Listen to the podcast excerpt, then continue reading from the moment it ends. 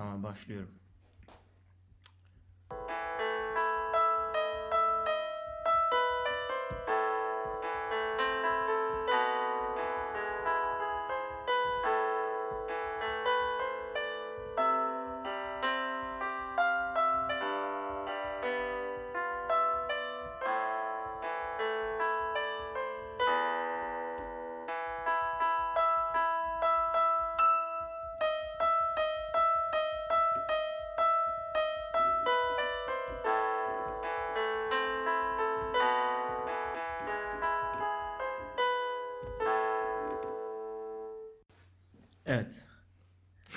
Osman. Merhaba Erkmen. Güzel bir açılışla başladık. Evet bugünkü bölümümüze böyle başlayalım istedim. Sebebi de biliyorsun bu sene Beethoven'ın 250. yaşı kutlanıyor dünyada. Beethoven mı? Beethoven. Beethoven. Aynen. Ludwig van Beethoven. V'ler F olarak mı okundu? Doğru. Doğru. Be- Beethoven diyen de var bu arada. Ama yani A ile olsa beat, beat. Beat diye mi yazılırdı o zaman? yazılması lazım. Aynen bunu iletelim biz. Yanlış yazmışlar. Ama e, özüne gelecek olursak Ludwig de dedesinin adı. Aslında biz hep Beethoven'ı duyuyoruz ama Ludwig van Beethoven mı? doğru. Van torunu mu demek? Bilmiyorum. Bu Hollandalı isimlerde Van Bommel falan da çok var aslında. Bilmiyorum Van. Nistelrooy. Van Nistelrooy Van var. Buna bakmak lazım. Van ne demekmiş ben de merak ettim ama. Obi-Wan Kenobi'deki Van da o mu acaba? O da Obi-Wan Obi-Wan Kenobi. değil. Kenobi. Aynen. Sonra öyle okursan sevinirim ben. Dedesinin adı Kenobi diye. Obi ise eğer. Belki de öyledir. Obi'nin torunu. Ama yani işte mesela senin dedenin adı ne? Osman. Osman Fan Osman. Aynen. işte. Osman Fan Elsöz olabilir misin belki ama Türk olduğu için o şansı yitirmişsin. Çok yakın. Neyse başta çalmış olduğumuz şarkı Beethoven'ın Für Elise e, şarkısı. Ne Aslında yaşadığı dönemlerde çok ün kazanmış bir bestesi değil. Ölümünden 40 yıl sonra bulmuşlar bu besteyi. Onu da nasıl buldukları meçhul. Yani adam ölmüş üzerinden 40 yıl geçmiş. Hayattayken Sonra hiç işte- çalmamış mı yani? Hayattayken çalmış bestesini yapıp bırakmış. Ama öyle ün kazanmamış. Hmm. Zaten hayatının son yıllarını sağır geçirdiği için hani tek odaklandığı şey 9. senfoni olmuş. Sağır olan Beethoven mıydı ya? Doğru. Mozart neydi? Mozart prodigy, genius. Genius. Onun bir sıkıntısı yok. O deli. Ama işte varlıklı bir ailede çocukluğundan itibaren çok böyle genius bir hayat yaşamış. Fakir bir ailede doğsa bu noktalara gelemez o zaman. Şimdi mesela Beethoven da bu arada fakir bir ailede doğmuş. Hadi ya. Evet, babası şarkıcı. Ama böyle Ko- Düğünlere falan gidiyor. şey. Aynen öyle çok kaliteli bir şey yok. Bilmiyorum bir barda falan çıkıyordur belki. Almanya'nın Bonn kentinde yaşarken. Sonra diyor ki Viyana'da Mozart diye bir çocuk var. Bu adam aldı başını gitti. Müzikten yürüyor. E bizim oğlanın da yeteneği var gibi duruyor bu piyano içine deyip oğlunu böyle sürekli baskılıyor. Sabah akşam piyano çalacaksın diye. Odaya kapatıp sürekli piyano çalmaya falan zorluyor. Beethoven'ı. babası. Hatta yaşını küçültüp bizim olan da genç yetenek falan diye belli yarışmalara soktuğu biri olmuş. Yıldızlar takımına girsin. Yani işte kaç 8 yaşındayken işte 6 yaşında göstermiş. Hani belki büyük bir şey değil ama tabii 6-7 ilk konserini de işte 6 yaşında verdiğini düşünürsen Beethoven'ın bayağı büyük bir yetenek olduğunu aslında oradan da anlayabiliyorsun. 6-7 yaşında bilmiyorum sen ne yapıyordun. ben 6-7 yaşında kum dökmüştüm ben o zaman. Aynen. İşeyemiyordum. Evet sonrasında bu adam tabii diyor ki Mozart'tan ben bir eğitim almam lazım diyor Beethoven. Hı hı. Gidiyor Viyana'ya taşınıyor. Sonra Viyana'ya taşındıkta sonra işte iki hafta sonra diyorlar ki senin annen rahatsızlandı geri dön. Babası mektup yazıyor. Hı hı. İki hafta falan kalabiliyor Viyana'da geri dönüyor. E, Mozart'la tanışıp tanışmadığı mesela meçhul. Ben şimdi notlarıma bakıyorum. Viyana'da küçük bir anekdot var. O zamanki O Ses Avusturya Macaristan yarışmasına katılmış diyorlar. Doğru mu? Değildir abi. Değil mi? Acun Avustralyalı mı? Avusturyalı mı? Avusturya Macaristan o zaman tabii yani. Şey mi? O ses Avusturya Macaristan mı yarışmanın adı da? Olabilir bilmiyorum. Ama sanki çok gerçekçi gelmedi. Bir de böyle sesiyle değil de o piyano Avusturya Macaristan falan olabilir belki yarışmanın adı. Belki o zamanın TRT'sinde olabilir. Devlet konservatuarı vardır abi. İmparatorluk konservatuarı diye bir şey E vardı illa ki. Sonuçta bunlar şey. Mesela şöyle anekdotlar var. Yok işte Mozart'la tanışmış sözde Beethoven. Bu net değil ama işte insanlar bu hikayeleri çok seviyorlar ya. Mozart şey demiş işte bu çocuğa iyi bakın gelecekte adını çok duyacaksınız falan demiş. Buna el vermek mi deniyordu? Buna destek olmak. Destek olmak. Aynen. El Bilmiyorum. El vermek nota ya. vermek belki. Nota. Müzikçiler arasında el vermeyi bilmiyorum. olabilir. Nota verme. Bir si. Ama da buna dair kesin bir kanıt yok. Tanıştığına dair. Hı hı. Nitekim hani e, onun için gidiyor ama işte bir iki hafta kalıp dönüyor. Tabii şu dönemki gibi böyle işte geldim Mozart sen neredesin tarzında bir iletişim şeyi de olmadığı için geliyorsun işte e, Mozart'ın muhtemelen uygun bir vaktini falan ararken bir yerleşeyim Viyana'ya derken döndü geri. Abi bu arada bir şey diyeceğim. Çok bence hassas bir konu. Cep telefonu olmadan önce insanlar nasıl buluşuyordu ya? yani ben hatırlıyorum da. Ev telefondan arıyorlardı. E, abi. küçükken mesela şey hatırlıyorum işte Eskişehir'de bir tane Eskişehir alışveriş merkezi vardı Esnaf Sarayı diye. Onun önünde buluşalım saat şu. Evet, Tek iletişim yolun oraya gidip beklemek yani. evet. Ama Gelmedikleri anda şöyle insanlar çok daha dakik o zaman. Yani sen Hı. diyorsun ya birde buluşalım. Abi birde geliyor millet. Çünkü birde geliyorsun orada adam yoksa bir gerginlik. Biri 5 geçe 10 geçe hadi çeyrek geçeye kadar bekledin. Hiç haber haber almıyorsun. Öyle kaça kadar bekleyeceğim. Belki adamın başına bir şey geldi. Belki trafikte bir şey oldu. O yüzden biraz daha hatta önce gitmeye çalışıyordur. Bugün birde buluşalım dediğinde birde oraya gelen enayi oluyor. Yani tek başına beklersin. burada görüş ayrılığına düşüyoruz galiba ama. Neden? ben 1'e 10 kala giderim mesela öyle bir şey olursa. İyi türünün az örneklerinden abi. Özellikle Egeliler, İzmirliler abi geç kalma konusunda Akdeniz iklimidir yani ra- insanlar. rahatlık. İtalyanlarla İspanyollarla. Yani mesela şöyle bir, şöyle bir örnek vereyim abi. Ben işte Türkiye'de koşu yarışlarına katılıyordum işte. Ankara'da katıldım, İstanbul'da katıldım, Antalya'da katıldım, Koşu. Adana'da katıldım. Neyse her biri işte koşu yarışı dediğin sabahleyin 9'da başlar. Hatta daha erken başlayanı da var tabi. Sebebi de güneş daha çıkmadan millet koşsun. Çünkü güneşin alnında koşmak da kolay bir şey değil. Hı hı. Zaten performans sporu yapıyorsun. İzmir'deki yarışma 11'de başladı abi. 11'de başlayacak dediler. Yarışma 12'de başladı. Bak yarışın başlangıç tarihi bile gecikti. 12'de yarış başladı. Güneşin alnında cayır cayır millet koşarak öldü. Yarış İzmir'de oldu bilmiyorum artık organizatör nereliydi de. Dediğim başka hiçbir şekilde bununla kadar her yer şehirde abi yarış 9'da başlar 9'da derler 9'da baş Adana'da silah atışıyla başladı bu arada. Kendine yaraşır bir şekilde Adana silahla başlattı yani. Ama işte İzmir öyle baktın 11'de gittik oraya enayi gibi. Başlamıyor. Millet eğleniyor, oturuyor falan. 12'de başladı yarış. E peki niye 9'da dememişlerdi madem sıcak? Ya bilmiyorum işte. Uyumayı Zaten geç abi. Rahat başlamışlar memleket yani. yani. Rahat memleket olmasıyla alakalı bence. Yani abi pazar günü kim kalkacak 9'da olmuştur yani yine. Şeye dönelim. Beethoven hocamızın e, macerası sonra Bonn dönüyor. Hı hı. Ailesi, annesi vefat ediyor. Annesi vefat ettikten sonra babasıyla da belli bir süre yaşıyor. O da alkolik ama diyor ki zaten ben müziğe devam etmem lazım. Bunun başkenti Viyana'dır. Gidiyor Viyana'ya. Sonrasında Viyana'ya yerleşiyor. Viyana'da böyle her yerde Beethoven burada çay içti, kahve içti gibi şeyler, kafeler var. Hı hı. Orada yaşarken işte sonrasında zaten bir işitme sıkıntısı var. Bu sağırlığa dönüyor. E işte sağırlığa döndüğü için hayatının geri kalanını bayağı yalnız geçirmek zorunda kalıyor. Ve yani çok ilginçtir. İşte bu herkesin bildiği 9. senfonisini Avrupa Birliği marşı ya da işte kardeş olun onu tamamen sağırken besteliyor. Hmm. Yani bu gerçek yani çok absürt bir şey hayal etmesi herhalde e, empati yapması da zor.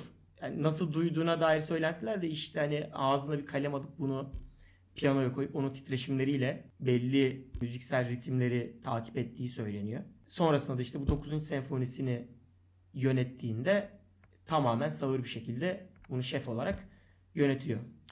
Duymadan nasıl yönetiyor? İşte karşısındaki insanların nasıl diyeyim çalgı çaldıklarından ritminden belli bir şey var ama tabii ki de yardım da alıyor. Yani tek başına yönetmiyor bu arada. Hatta hayatının bir bölümü boyunca şey yaptığı da var. Yardımcı bir şef şeyler yapıyor. Beethoven onun yaptıklarından böyle biraz improvize ederek hani şey Hmm. e, ne yapması gerektiğini falan da anlamaya çalışıyor. Yani müzikle öyle bir yeteneği var ama bir yandan da işte hayatını nasıl diyeyim çok mutlu bir hayat sürmüyor özellikle sağır olduktan sonra. Hı. Mesela Beethoven'ın diğer bilinen bestesi Moonlight Sonata. Bunu da istiyorsan öncesinde bir Moonlight Sonata'yı Evet, Osman Elsöz'ün yorumuyla dinleyelim. Sonrasında onunla ilgili çok kısa konuşalım. evet. Karşılarınızda Osman.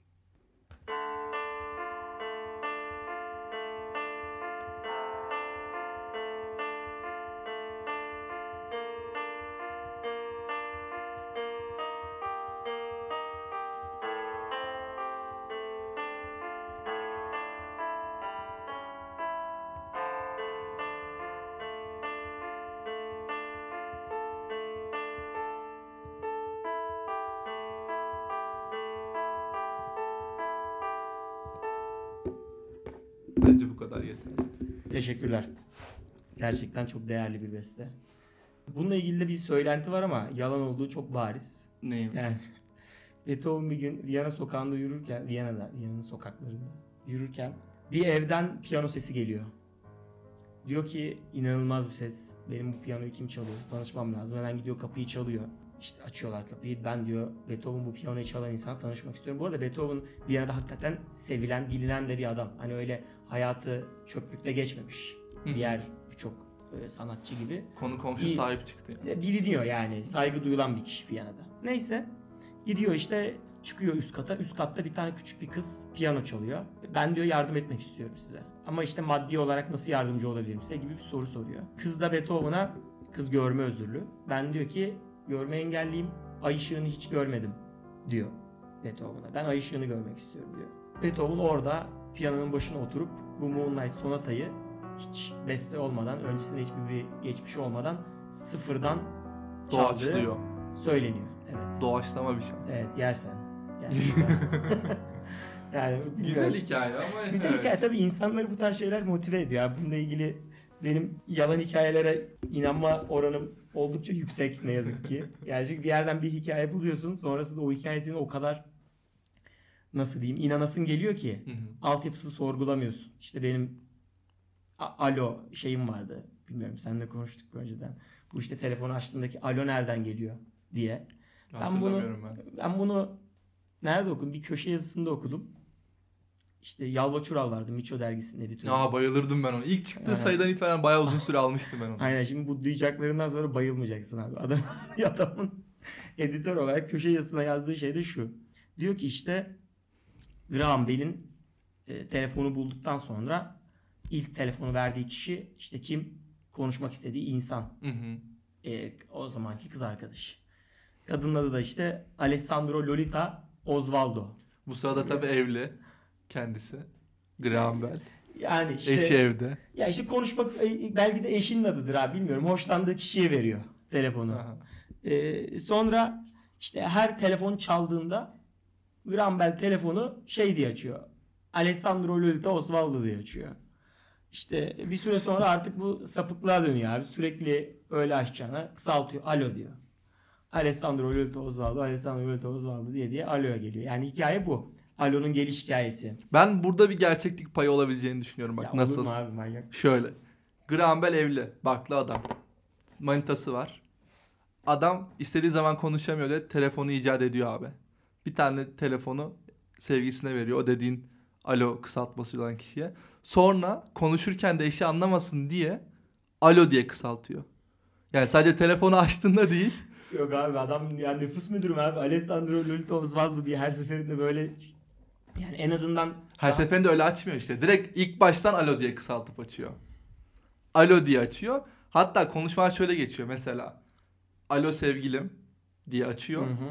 Açamıyor çünkü eşi var. Zaten en baştaki amaç Ama her arayanı böyle açıyor abi. Bir bakar bir yoklamaz mısın ya? Telefon çaldı bir durunca bir, bir sessiz durursun. Şimdi seni tanımadığın bir numara aradığında, aradığında önce bir yoklarsın kim arıyor acaba diye. Hı hı. İşte acaba yakın bir arkadaşın. Oğlum iki tane telefon var. Kim arayabilir zaten? Bilmiyorum abi. O zamanlar belki bir üçüncü icat diye korkmuştur yani. Bir de numara çeviriyorlar mı acaba asıl, o zaman asıl ya? sıkıntı şu abi. Bu hikaye sadece Türkçe kaynaklarda var. Alessandro Lolita. Yani yalan olduğu Bu işin gerçeği de hello. Yani tabii çok Alo, bariz. Ama yani. işte insan inanası geliyor bu hikaye. Yani Alessandro Lolita Osvaldo baktığın zaman lan diyorsun adama bak ne kadar duygusal sevdiğinin adını vermiş. Alo alo diye diye bugüne kadar gelmiş diyorsun. Sonra bir bakıyorsun Hello'dan gelmiş dil kökeni. bir anda işte Yalvaçıroğlu olan bütün inancım yok oluyor yani. Ben daha güzel yazarmışım o hikayeyi ya. Bu arada ona, ona karar verdim şu anda. Neyi? Sevgilisinin adı alo kısaltmasına denk geliyor. Uzun uzun söylemek yerine alo diyormuş. Benim dediğim şifreli konuşma daha mantıklı geldi bana. Eşinin öyle olmasın diye. Eşi duymasın Abi bir diye. de diyor bak iki tane telefon varsa abi. Eşi geldiği zaman kimle konuşuyorsun diye sorduğu zaman nasıl bir yalan söyleyebilir acaba? Yanlış numara diyemezsin. İki tane var zaten. Doğru. Bilmiyorum sen Yalvaçural'a bir yaz. Abi ben senin hikayene inanıyorum. Bu yolda Ama seni- eksik olduğunu Bu yolda düşünüyorum. seni yalnız bırakmışlar. linç edilmişsin. Sadece Türkçe kaynaklarda var diyorlar. Al ben İngilizceye de çevirdim. diye belki adama destek olabilirsin. Belki Wikipedia sayfasında editlerim. Editlerim. Moonlight Sonata'nın hikayesi bu fakat bu ilk girişte çaldığım Für Elise'nin hikayesi biraz daha gerçek. Çünkü o Almanca'da ya da İngilizce'de For Elise yani Elise adına yaptığı bir beste olarak geçiyor. Ee, ancak şöyle bir sıkıntı var. Beethoven'ın hayatında böyle mektuplara baktıklarında hiç Elise diye birini bulamıyorlar. Yani öyle bir kadına olan aşkı yok. Böyle tabii o dönemdeki şeyler sanatçılar abi daldan dala yani 7-8 tane kadınla beraber biri bitiyor öbürü başlıyor. Ama Eliz diye birini bulamıyorlar. Fakat şu var.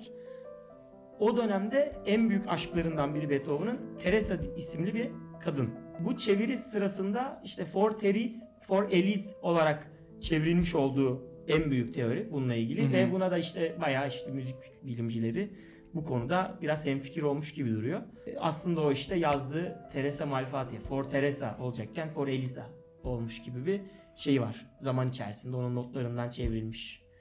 Şöyle Ben- bir şey ben, bu arada. Ben buna inanmadım bu arada. Bu Teresa da abi Eliz rüzgar demek değil mi ya? Eliz rüzgarları var evet ama Eliz rüzgar demek değil. Özel ismi de olabiliyor yani. Pardon. Belki Eliz rüzgarlara yaz. Bir de Beethoven abi 39 yaşındayken bu kıza aşık olmuş. Kız kaç yaşında? 12. 18. Yok 12 değil çüş. Ne bileyim oğlum o 18. zaman yani. 18. Aralarında bayağı bir yaş farkı var. Bununla ilgili bugün bir arkadaşım şey dedi bu arada. Evrensel olarak yaş farkının bir şeyi var. Formülü. Formülü. Evet. Biliyor musun? Erkek için ayrı, kadın için ayrı. Evet. ben bilmiyorum. Erkek için duydum. Yarısından 7 yaş büyük. Aynen. Böyle olması lazım. Yani işte 39'un yarısı yani 20 işte 26 27'ye kadar okey Beethoven için o yaşlarında. Ama 18 değil. Ben bir Hmm. Cem Yılmaz'la bu arada şeye baktım. Serenay Sarıkaya'ya baktım. Cem Yılmaz 46 yaşında. Tamam. Hemen formülü uygula. İkiye böl. 23 artı 7 30. Serenay 28. Olmuyor abi ayıp. ayıp. Kime şikayet edeceğiz bilmiyorum. Bence üst sınır vardır ama o yaş şeyinde ya. 70'sin mesela 42 mi oluyor? Evet. Çok. 42 de çok. Çok işte yani. 70. 70 çok da 42 de çok da. E, kadında İşte üst- farklı mı? Kadında şimdi şöyle düşündüm. Bence aynı şey Aynı formülse tersten hesaplarsa işte 7 çıkıp çıkarıp 2 katını çarpıyor. Hayır abi bu artı eksidir ya değil mi? Ya mesela 40 yaşında bir kadın için de 20-27'ye okey olmalı bu herhalde. Ama şöyle İlla erkek büyük mü olacak yani? illa erkek büyük olacak demiyorum ama yaş şeyine baktığın zaman erkek için verilen bir ideal yaş denklemi varsa bunun tersten giderek kadın için olanı da bulabilirsin gibi geldi şu aynen. anda. 7'yi öbür tarafa. 2'ye böl. 7'yi karşıya eksi olarak geçti. Böyle çarpı 2. 7 çıkarıp 2 ile çarpman Ya lazım. kadın ama bu denklemde şey oluyor. Kadın için üst yaş sınırı oluyor evet. Tabii. Ha erkek için de 6 yaş sınırı mıydı o? Alt işte abi. Kendinden kaçıyor. Pardon ben maksimum o yaş diye düşündüm. Yani o mesela 46 dedin ya. 46 30'dan altına bulaşmaması lazım demek. Ha ben maksimum 30 gibi düşündüm. Hayır abi olur mu öyle bir şey ya? Sapık herif. Hız düşmanı. Neyse. Öyle hocam. Beethoven'da bu şekilde hani özellikle bu bölümde de ben aralara hep Beethoven müziklerini koymayı planladım. Hmm, Mantıklı bu arada. Ee, geçen bölümde koyduğumuzu bu arada birçok kişi Star Wars sanmış abi. Gerçekten mi? Aynen. Ama ikisi de şey marş olduğu için Aynen aslında marşlar birbirine neydi? benziyor zaten. Ride of the Valkyries. Walkers. Kimin? Bu Wagner'in parçası. galiba. Ama za- zaten Star Wars kullanamayız herhalde. Değil mi? evet Telif şeyden yani, var yani. yani. Ama şey Star Wars çalan bir YouTube videosundan alıp müziği koyabiliriz. Hı. Yememek için. Öbürlerinde zaten klasik müzik kullanmamızın en büyük sebebi de telif, harcamak istemedim. telif hakkı vermemek olabilir. Yoksa ezel falan da koymak isteriz şu anda ama.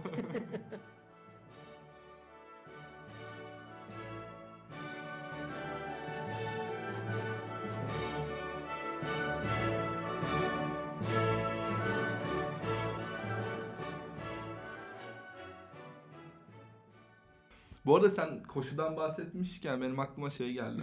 Ee, olimpiyatlar da yaklaşıyor 2020 yılı yaz olimpiyatları. Temmuz ayında Tokyo'da. Ee, Temmuz Ağustos. Çok iyi. Ee, aynen ben şimdi kısa şeyi araştırdım yani şöyle bir şey var. Olimpiyatlarda doping yasak Yani yakalandığın zaman e, atılıyorsun. Kazandıysan elinden geri alınıyor falan filan şeyler işte ödüllerin. Ben şey düşünüyorum. Yani olimpiyatların amacı insan kabiliyetlerini sınamak değil mi? En uçlarda ne yapabiliyoruz bunu anlamak. Yani 2000 yıllık tarihi var. Bu 2000 yıl boyunca aslında aradaki yapılmayan dönemi çıkarttım şimdi şeyden. Amaç insan sınırlarını zorlamak. Dolayısıyla gel, günümüze geldiğimiz yani ilaç teknolojisini falan düşündüğünde dopingin serbest olması gerekiyor gibi bir e, düşüncem var. Ama bununla ilgili şey var bu arada abi. Olimpiyatlarda çok net bir şekilde bütün sporcular doping kullanıyor diyorlar. E, dopingin tanımı mı var? Ben onu anlamıyorum. Yani mesela Yani yasaklı Red Bull ilaçlar içerek listesi katılamam var. mı? Red Bull Yasaklı- içersem olmaz. mı? Bilmiyorum şeyini Red Bull'u detayında ama yani yasaklı ilaçlar listesi var tabi.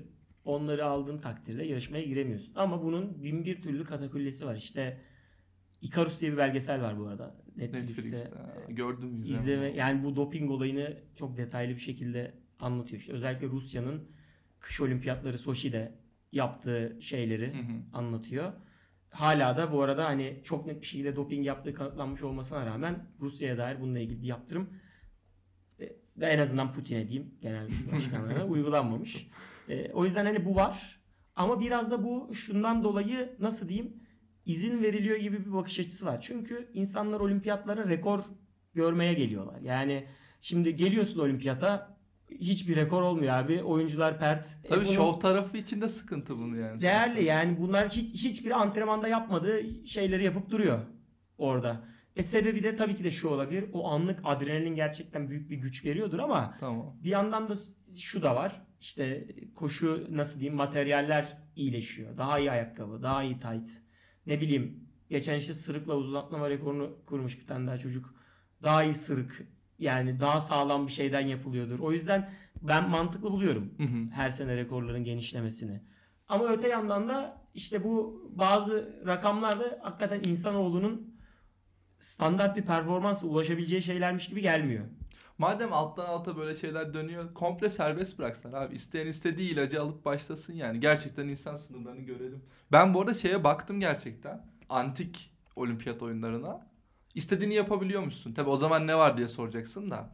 İşte mesela şey testosteron, vücuttaki testosteron daha güçlü yaptığı için seni daha çevik yaptığı için yarıştan önce boğa ya da koç testisi yiyorlarmış. Şu an yemiyorlar mı? Şu an bilmiyorum yiyince mesela şey çıkar mı acaba? Testosterona bakıyorlar mı ondan fazla çıkıyorsa? Yani Bu arada yani o da ayrı bir kategori olabilir. Yani şöyle diyorsun sen işte ağırlık kaldırma halter bir olimpiyat. serbestti bir de. Halterin bir de ölümüne yani işte yarıştan önce Her ertesi şey şeyi al, serbest. basıyorsun işte ne varsa öyle kaç kaldırabiliyorsun. Ama kaldırdıktan sonra ölüyor muhtemelen adam değil mi? Fark etmez almak istediği bir riskse yapsın. Ama bu muhtemelen Dünya Spor Komitesi'nden geçmeden. İnsan sağlığına zararlı diye gol yer yani. Hayır insan sağlığına zararlı olup yani şimdi şimdi düşündüğün zaman ağırlık kaldıranların mesela bir yaştan sonra kalp krizi riski çok daha yüksek oluyor. Doğru hep bu arada Yani şey bütün maratoncuların da öyle. Teniste öyle. mesela eklemlerle ilgili sıkıntılar Doğru. oluyor. Yani bunun yani baktığın zaman kendini en uca zorladığında her türlü sağlık riski var. Zaten zaman Bunları da engellesin aynen. Bu biraz daha kesin yani sıkıntı olacağı. Ama hala ihtimal. Yani bu da bu da yarışmanın ayrı bir şey bu arada e, parçası. Yani öyle bir seviyede alman lazım ki rekoru kırdığın anda yaşamaya devam edebilmen lazım. Bu da bir başarı kriteri. Onu da koyuyor mesela. Yarışmadan sonra iki ay daha yaşaman lazım. Ya, yaşayamazsan diğer ikinciye veriyorlar mesela ödülü. Gayet mantıklı. yani böyle başlam ya kültür sınırları zorlamak üzerine bir şey olduğu için yarışma olduğu için şey yapmasını mantıklı buluyorum ben her şeyin serbest olması. Yani o Mantıklı. zaman belki daha da inanamadığımız rakamlar görürüz. Kesinlikle. Şu an O- şu anki rakamlar bile yeterince zaten can sıkıcı bence de. Yani şey bile işte yıllar önce herkesin herkesin bildiği bir tane olimpiyat rekortmeni kimdir? Usain Bolt değil mi? evet. İşte 100 metreyi kaçta koşmuştu? 9.60. 9.69 değil mi? Evet. Şimdi 9 mesela 100 metreyi 9.69'da koşmak zaten gerçekçi bir şey değil. Şimdi bir hesapla. Hı hı. Yani saniyede 10 metre gibi bir şey gidiyor adam. Baktığında. Yani evet. 100 metreyi 9.69'a koy. Ki bunun ilk bir saniyesi falan hızlanıyor. Yani direkt adam en yüksek hızında başlamadı Tabii. olaya. Onu düş. Adamın işte bir saniyesini çıkar. O zaman adamın saniyede 12-13 metre gitmesi lazım. Sana bu gerçekçi geliyor mu? Yani, Yani- anlatınca gelmiyor Şimdi izleyince bir saniye geliyor. derken bile 2 saniye geçiyor abi. Adam bir saniyede sen 13 metreyi bir gözünün önüne getir. Tamam? Buradan ne kadar 13 metre olur de. Böyle yatayda düşün. Bir de adam o kadar gitti. Zıplaya zıplaya gidiyor işte aslında. Ama aslında koşu 5 değil adım mesafesi demek abi. 13, 13 metre dediği şey. Ama Hüseyin Bolt'taki bacakları gördün mü sen? Ya gördüm ama o kadar da değil. sonuçta bir saniye ya. Bir de bununla ilgili şey vardı. Teoriler var bu arada. Gerçekten rekoru kırmamıştı. Olimpiyatların bir yalan olduğuna dair. İşte şöyle. Pist yürüyen bir pist abi. Yani hareket ediyor pist. Ee, Koşu bandı gibi mi Koşu yani? bandı gibi. Onun üzerinde koşuyorlar. Evet. Ama bu televizyondan görülemiyor. Çünkü hepsi onun üzerinde koştuğu için sen anlayamıyorsun. Salona canlı izlemeye girenlere de diyorlar ki Abi böyle bir şey var. Bunu kendinizde tutacaksınız. Bu sır. Yani bu olimpiyatların yıllardır biz bunun üzerine e, yürüttük. 100 metre erkekler yarışında böyle bir şey yapıyoruz. Ya bana çok mantıksız gelmiyor. Çünkü öteki daha mantıksız baktığın zaman. Ha, bir saniyede 13 metre gidilmez. Hakikaten yürü- yürüme bandı gibi yapmış olabilirler. ha. Olabilirler. Yani muhtemelen cevap bu. Şey gibi mi? Amerikan güreşi gibi mi böyle? Önceden zaten belli falan kimin kazanacağı. E, Evet. Şovu devam ettirmek için. Yani olabilir tabii. O kadar da şey yapmak istemiyorum. Yani 9.69 değil de 9.80 koşardı. Peki niye o zaman orada mesela özellikle bir- yani mesela genelde zenciler şey yapıyor. Ee, Siyahiler. siyahiler. Ya da Zenci. Afro-Amerikan. Galiba en temizi Afro, Afro-Amerikan demek. Adam Amerikan değil ki oğlum. Ama bu Jamaikalı. Jamaik- Bunu Afro, Afro Jamaikan. Afro Jamaikan diyeceksin. Jamaikalıların çoğu zenci değil mi ya? Öyle. Neyse. Sonuçta şey kırıyor.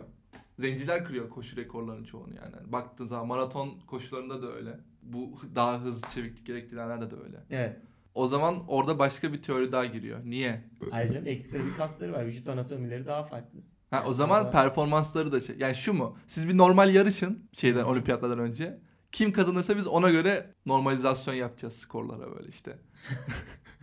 Mesela sen 12 saniye yaptın seni 9.69'a çekeceğiz. Bu sene bizim şu anda Yani rekor böyle gelmedi. diye. düşündüğünde aslında adamın tabii doğuştan ekstra bir kası varsa gerçekten elma ile armutu mu karşılaştırıyor oluyorsun yarış sırasında da Hmm. e, şeyler de var sonuçta. Beyaz atletlerden de. Gerçi 100 metre erkeklerde son zamanlarda yok. Uzun mesafelerde biraz daha var. Evet. Şeyde yüzme mesela. Yüzmeyi de domine edenler beyaz mesela. Evet. Baktığında. Orada da ağırlık merkezi muhabbeti var. İşte vücudun ağırlık merkezleri Kafkasya şey işte beyaz ırktakilerle zencilerin arasında fark var. Hmm. Ee, ağırlık merkezinin farklı konumlanmasından dolayı yüzmede dezavantaj yaratıyor bu zenciler için. Afro Afrikanlılar için. Ya siyahiler için. Siyahiler için. Evet. Burada doğrusu ne ya? Siyahi mi zenci mi? Bence siyahi abi. Siyahi çok rengini belli ediyor ama yani. Bilmiyorum. Gerçi şimdi zenç fa- a- a- şeyde Arapçada falan siyah olabilir. Hayır ama siyah erkek yani siyah iler diyorsun öbürüne de beyazlar diyorsun. Beyaz dediğinde bir ima için söylemiyorsun. Tanım için kullanıyorsun. O da doğru olmaz. Beyazlara beyaz diyorsun o zaman siyahilere de siyah ama demen lazım. şöyle tanım yapmakta sıkıntı yok. Bak zaten bu ayrımcılık konularındaki sıkıntı o. Sen tanım olarak kullanıyorsan siyah kelimesini Hı hı. bir sıkıntı yok. Ama sıfat olarak kullanıyorsan ya da bir onun arkasına bir anlam yüklüyorsan sıkıntı oluyor. Bu Onun sağladım tuttu lan. Arapçada zenç siyah demekmiş. Zenci de siyahi demek oluyor. O yüzden ikisi aynı anlama geliyor. E o zaman bir sıkıntı yok ikisinde de işte. o zaman boşuna, boşu boşuna tartıştık. Aynen. Afro-Amerikan'da da hiç gereksiz bir duyar kasmış oldum.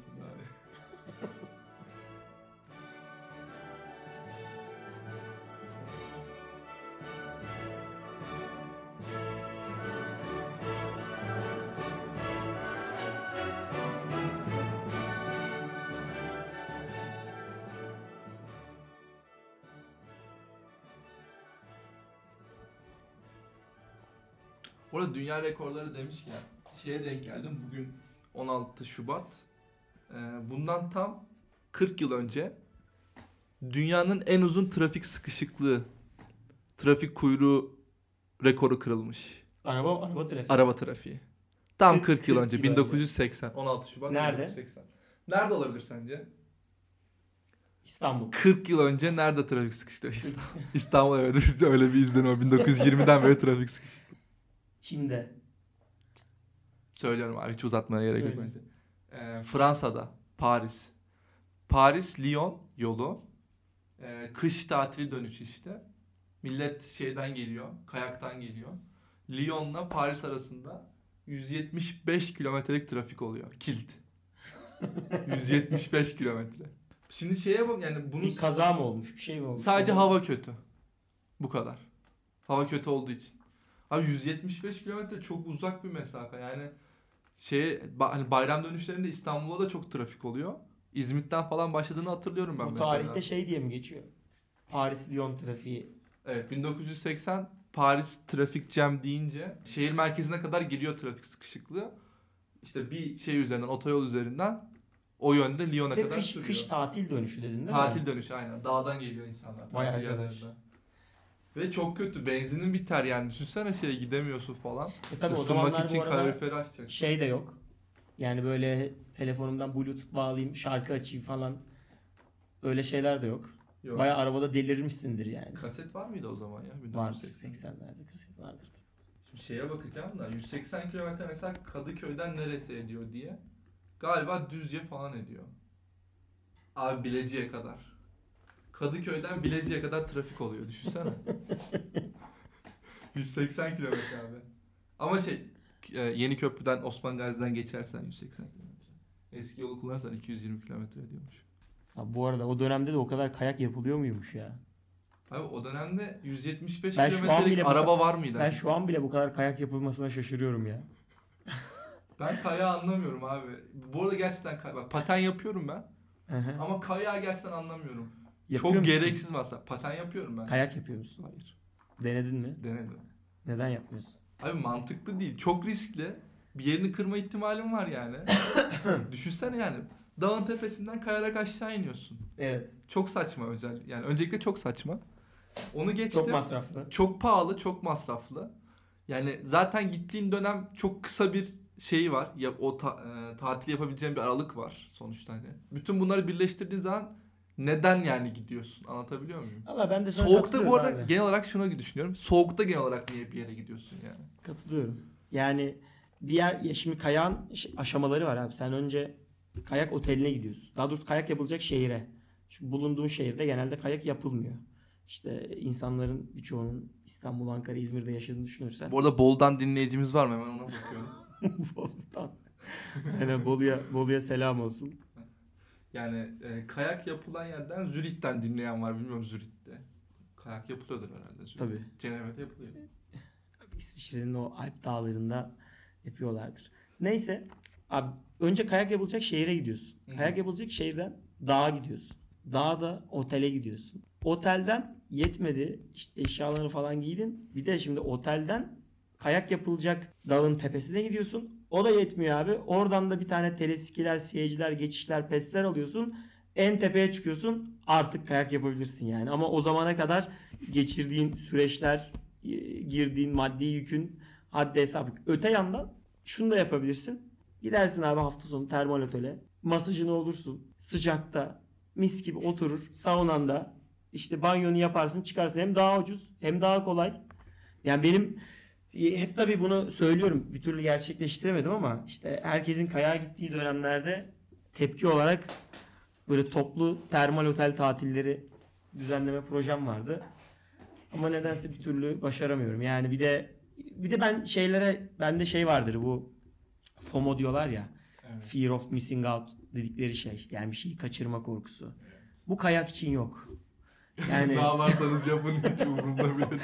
yani mesela ben şu an sıcak sıcak oturuyorum abi bakıyorum işte sosyal mecrada e, kayakla ilgili bir şey paylaşmış. Böyle bir rahatsız oluyorum yani hani onun adına bir nasıl diyeyim ya bu kadar da soğukta ne gerek vardı şimdi gidecek odasına işte yüzü kıpkırmızı kayak yanığı falan olmuş. Öte yandan şey kısmına hiç girmiyorum risk kısmına hiç- yani risk tabi halı sahada bile bakarsan öyle bir risk var ama kayaktaki risk tabii daha fazla. Yani ben- ben çok fazla hikaye duyuyorum. İşte kayıp düşen bir yerini kıran insan sayısı. Yani ekstrem sporları ben çok destekliyorum. İşte uçmalı, kaçmalı, tepeden atlamalı, işte bungee jumpingler, ne bileyim skydivingler, free fall'lar hepsini destekliyorum. Çünkü hepsinin güvenlik önlemi çok yüksek. Yani sen bungee jumping yaparak ölme ihtimalin çok düşük. Şöyle düşün. Senden önce atlayan adam ölmediyse abi senin ölmen için hakikaten bir gereksiz bir şanssızlığın da olması lazım. Yani o adamla sen benzer fiziksel özelliklere sahipsin. O atladı, kilometre aşağıya kadar indi, çıktı. Bir şey olmadı adama. Sana da büyük ihtimalle bir şey olmaz. Korkacaksın ama şimdi kayakta öyle bir güvenlik önlemi yok. Ben mesela ben kayak yapmayı hani net olarak biliyorum diyemem. Hatta kayak yaparken duramadığım için kendimi bir yere atıyorum. laps diye gereksiz bir şekilde düşüyorum. Sonrasında kayaklarımı alıp aşağıya kadar iniyorum yani elle. Burada ben Ama onda bile ben bir korku hissediyorum yani düşerken. şey, e, otobüs durağında ölme ihtimali bungee jumping yaparken ölme ihtimalinden daha yüksek. Doğru. Yolda yürürken de öyle. Yolda yürürken kafana saksı düş- düşme ihtimali var yani bir kere.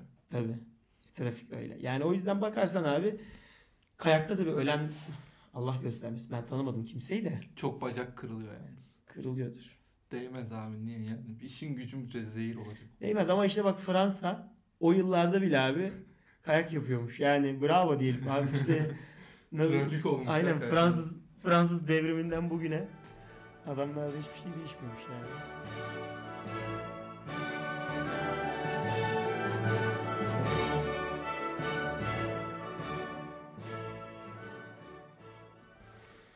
Evet hocam. Şimdi şöyle bir haber buldum ben. İlgimi çekti. Hı hı. Yeni bir haber. Geçen hafta gördüm. Ailesinin büyük fertleriyle yaşayan çocuklarda obezite ve kilolu olma riskinde yani %30 daha fazla riskli olduğu Büyük bulunmuş. fertleri derken şişman. Anneanne, babaanne. Ha, Hayır abi. yaş Yaş olarak. olarak, büyük. O zaman mantıklıydı yani. Aynen. Şişman aile değil ne yazık ki öyle değil. Ee, anneannesi ve babaannesiyle, dedesiyle yaşayan çocukların Hı hı.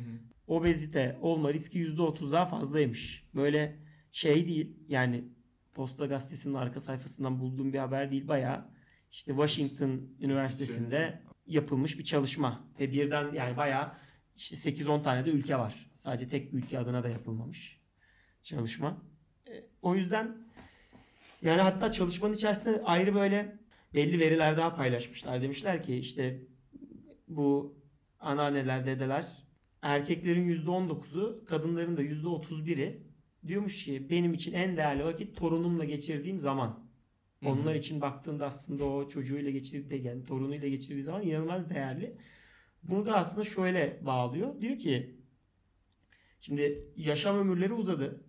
Hı hı. Önceden senin 60-50 yaşında yaşlı diyordum belki 50-60'a. Evet. Bugün 50-60 orta yaşa gelmeye başladı. Evet. E şimdi o zaman senin dede dediğin, anneanne dediğin insanlar artık daha üretken olmaya başlıyorlar. Yani önceki dedelere göre şu anki dedeler daha canavar. Yani yarın öbür gün sen dede olacaksın. Kim bilir senin sen torununa neler yaptıracaksın Allah bilir. Yani o zaman da işte başka sıkıntılar devreye girebilir ama onlar işte bu kadar fazla seviyorlar. E sonuç olarak da diyorlar ki biz çocukluğumuzda bu kadar fırsata sahip değildik. Bu kadar fazla işte nasıl diyeyim şu bugüne baktığında bir tüketim toplumu var ya Evet. senin ulaşabildiğin, yiyebildiğin şey sayısı 50-60 yıl önceye göre çok çok çok fazla. Bu senin gelir düzeyinden bağımsız olarak böyle. Evet.